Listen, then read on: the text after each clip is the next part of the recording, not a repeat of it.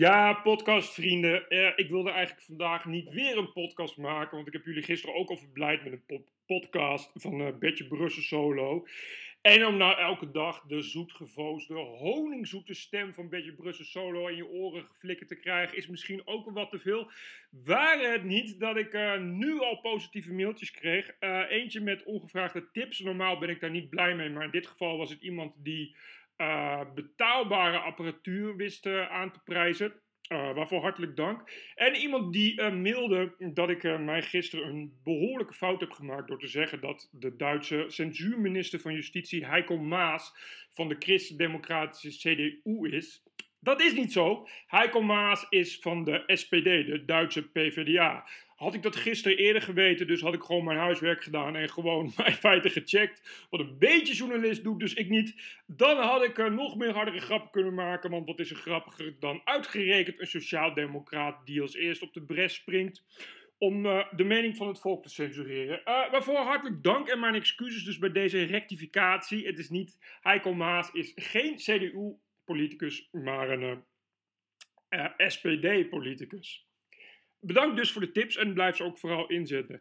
En nu ik toch bezig ben, is het misschien leuk als ik gewoon nog even verder met de podcast ga. Want ja, we zitten nu toch en het is vrijdag, niet waar? Nou dan ja, toch niet dan. Du bist scheiße! Rapper Boef, dat is uh, de zaak die maar blijft spelen. Het is uh, ook een zaak waar we waarschijnlijk uh, niet meer afkomen. Wat niet per se heel erg is, het niet. Dat het wel een beetje vervelend en hypocriet begint te worden. Zo zijn er bijvoorbeeld het Paaspop een belangrijk muziekevenement die na aanhoudend gedram op social media hebben besloten om rapper Boef te boycotten. Um, dat is behoorlijk hypocriet, omdat het volgens mij nog steeds gaat om rapper Boef en niet wat hij over vrouwen vindt. Om nog maar te zwijgen over alle andere artiesten die waarschijnlijk net zulke gore en net zulke vrouwenvriendelijke opmerkingen maken als ze dronken zijn en uitgaan. En daar hoor je dan ineens helemaal niets over.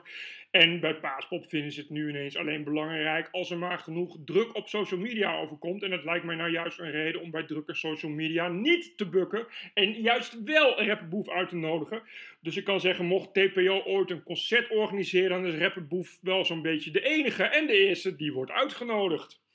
Uh, interessant is ook dat de Paaspop hiermee misschien toch wel een beetje in hun maag gaat zitten. Omdat zij hebben gemeend dat er heel veel mensen zijn die uh, ja, klagen over het feit dat Rapper Boef bij Paaspop zou komen optreden. Maar er zijn, zo schijnt, ook heel veel mensen die nou juist speciaal voor Rapper Boef een kaartje hebben gekocht voor Paaspop en nu dus teleurgesteld zijn. Dus je kunt je afvragen voor wie de organisatie van Paaspop nu eigenlijk Rapperboef boycott.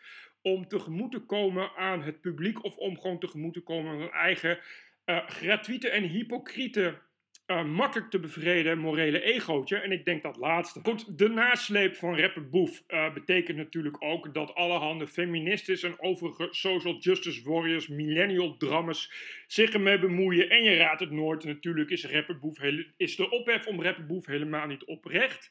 Maar gaat het volgens al deze drammende social justice warriors alleen maar en uitsluitend om het feit dat de rapper Boef uh, een Algerijn is en een moslim. En dus is het allemaal weer racisme en islamofobie. Zo uh, lazen we vandaag op Twitter uh, een jammerklacht van Anne Ardon. Anne Ardon, at Anne Ardon, zoek het vooral even op allemaal.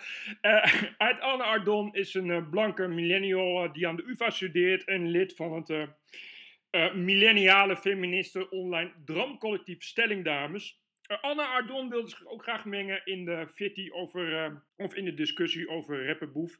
En twitterde het volgende. Nou, Jammer dat we van een feministisch tijdschrift niet eens kritische analyse kunnen verwachten. Dat inziet dat de kritiek op Boef gepaard gaat met onwijs veel racisme en seksisme. Anna Ardon had niet gerekend op uh, Nadia Esrolli, het Nadia Esrolli, een uh, Volkskrant-verslaggeefster die eigenlijk al uh, lange tijd op gepassioneerde wijze volkomen losgaat op alle gratuite feministische dram millennials. Uh, die als volgende, en die het volgende terug twitten. Meid, ga zitten, want jouw analyses en schijnsolidariteit helpen ons ook niet verder. Ga je maar weer bezighouden met je gebruikelijke clowneske low-stakes feminisme discussies. Ho, ja hoor, ja hoor. Bam, fitty, dames en heren.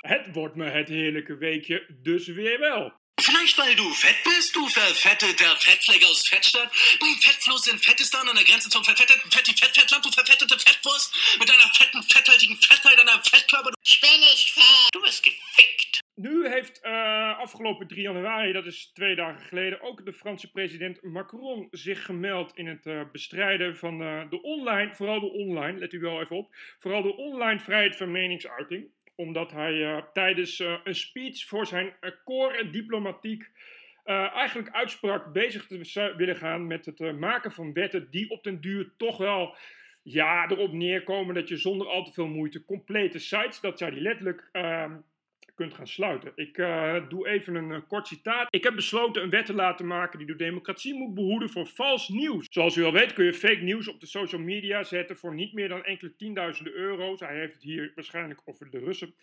En uh, kun je dat volledig anoniem doen. Deze platforms zullen verplicht worden meer openheid te geven over van wie precies al dit soort berichten komen. En ook om de hoeveelheid ervan te beperken.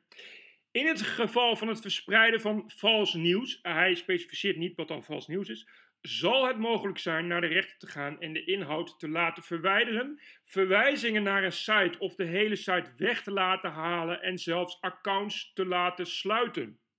U hoort het goed. Ik herhaal het nog een keer. Verwijzingen naar een site of de hele site weg te laten halen.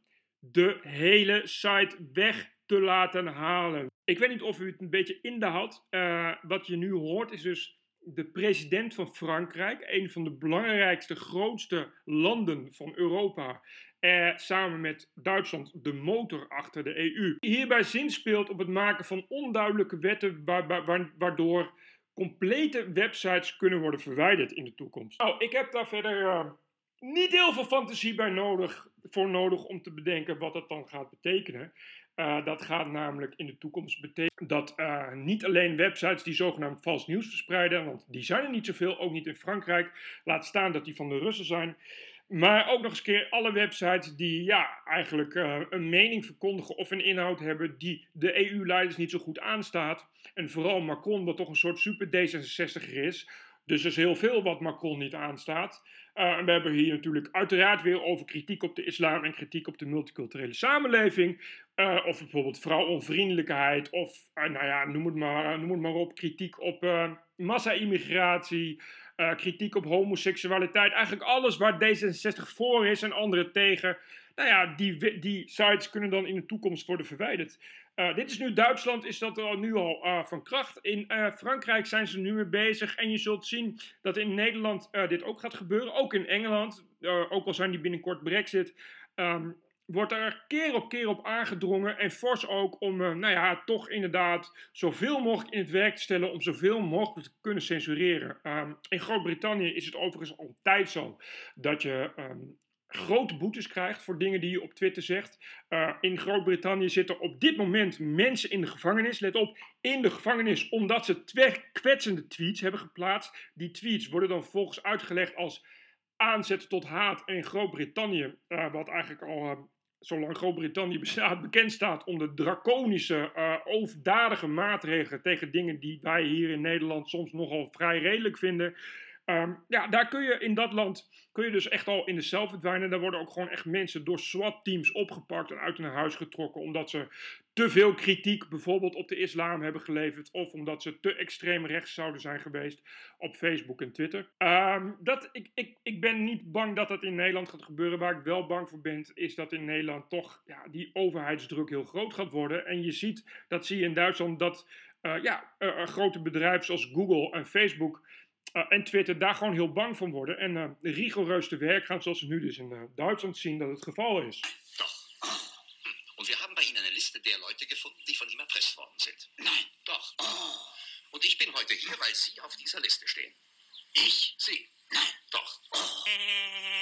Nu nog even een kleine aanvulling op mijn onderwerp van gisteren over het ja, politiek correct censureren van de opera Carmen. Zoals u weet wat ik gisteren vertelde, als u niet heeft geluisterd, zal ik nog een keer vertellen. Maar natuurlijk luistert u gisteren, want u luistert elke dag naar de podcast van Bert Brussen. Uh, Carmen, het einde is in sommige opera en sommige theaters aangepast. Uh, normaal gesproken wordt Carmen aan het einde doodgestoken door haar jaloerse minnaar of ex-minnaar. Om politiek correcte redenen zijn er nu dus operagezelschappen die Carmen haar minnaar laat doodschieten. Om te laten zien dat vrouwen ook heus wel een mannetje kunnen staan en dat we echt niet moeten. dat we echt niet reclame moeten maken voor geweld tegen vrouwen. Anyway, uh, ik kreeg een mailtje van iemand die zei: Ik heb de afgelopen week een musical voor kinderen op tv gezien. Die musical heet Snorro. Uh, de voorfilmpjes op YouTube waren heel leuk. Er um, worden uh, liedjes gezongen die gebaseerd zijn op bluff. Nou, allemaal hartstikke leuk. Op YouTube zie je een filmpje, daar komt aan het eind een liedje. in dat liedje zit een couplet waarin een paard over een niet al te dunne vrouw op zijn rug zingt. Jij bent zwaarder dan ik hebben kan uh, op de toon van het liedje Harder dan ik hebben kan van Bluff. Ik me zoveel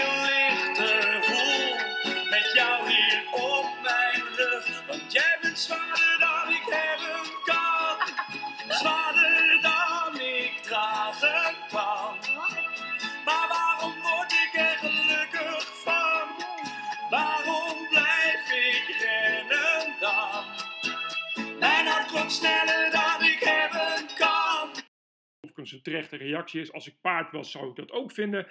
Van alle vrouwen die boven de 90 kilo zijn, sowieso. Voor alle vrouwen die boven de 90 kilo zijn, zou je moeten zingen. Je bent zwaarder dan ik hebben kan, tenzij je 1,20 meter bent, maar dat zijn de meeste vrouwen niet.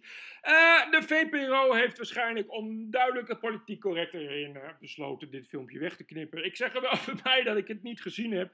Dus ik ga er maar uit dat de e-mailer gelijk heeft en zo niet. Dan, jammer dan, maar de tyfus, het is toch de VPRO. Dus dat wordt van mijn belastingcenten uh, uitgezonden. Dus dan mag ik ook wel wat vinden. En als het niet waar is, vind ik er alsnog wat van. Nou, dat was het wel een beetje voor vandaag. Ik ga nu even nog wat uh, leuke nieuwe dingetjes zoeken. En ik ga eruit met een gouden oude, namelijk Under the Bridge van de Red Hot Chili Peppers. Ik heb geen reden om dat uit te zingen, behalve dat ik dat ineens weer twee dagen in mijn hoofd heb. En dat komt omdat dit nummer toen de tijd dat het een wereldhit was. Toen was ik nog jong en toen hadden we nog geen internet. En toen was je dus afhankelijk van het staatsmonopolie op de radio en televisie. Dus werd dat nummer eigenlijk 700 keer per dag uitgezonden. Alsof het elke dag de top 2000 alle tijden was. Uh, dus ik heb dat soort nummers allemaal in mijn hoofd zitten. Ik heb eigenlijk de hele top 2000 uh, alle tijden in mijn hoofd zitten. Dit komt omdat babyboomers niet veel meer smaak hebben dan 2000 nummers. Dus hun hele leven, zolang ze het monopolie op de staatsmedia hadden, niets anders hebben gedaan dan telkens de 2000zelfde nummers uitzenden. Hoe dan ook, het is een fantastisch nummer. Uh, Under the Bridge, Red Hot Chili Peppers.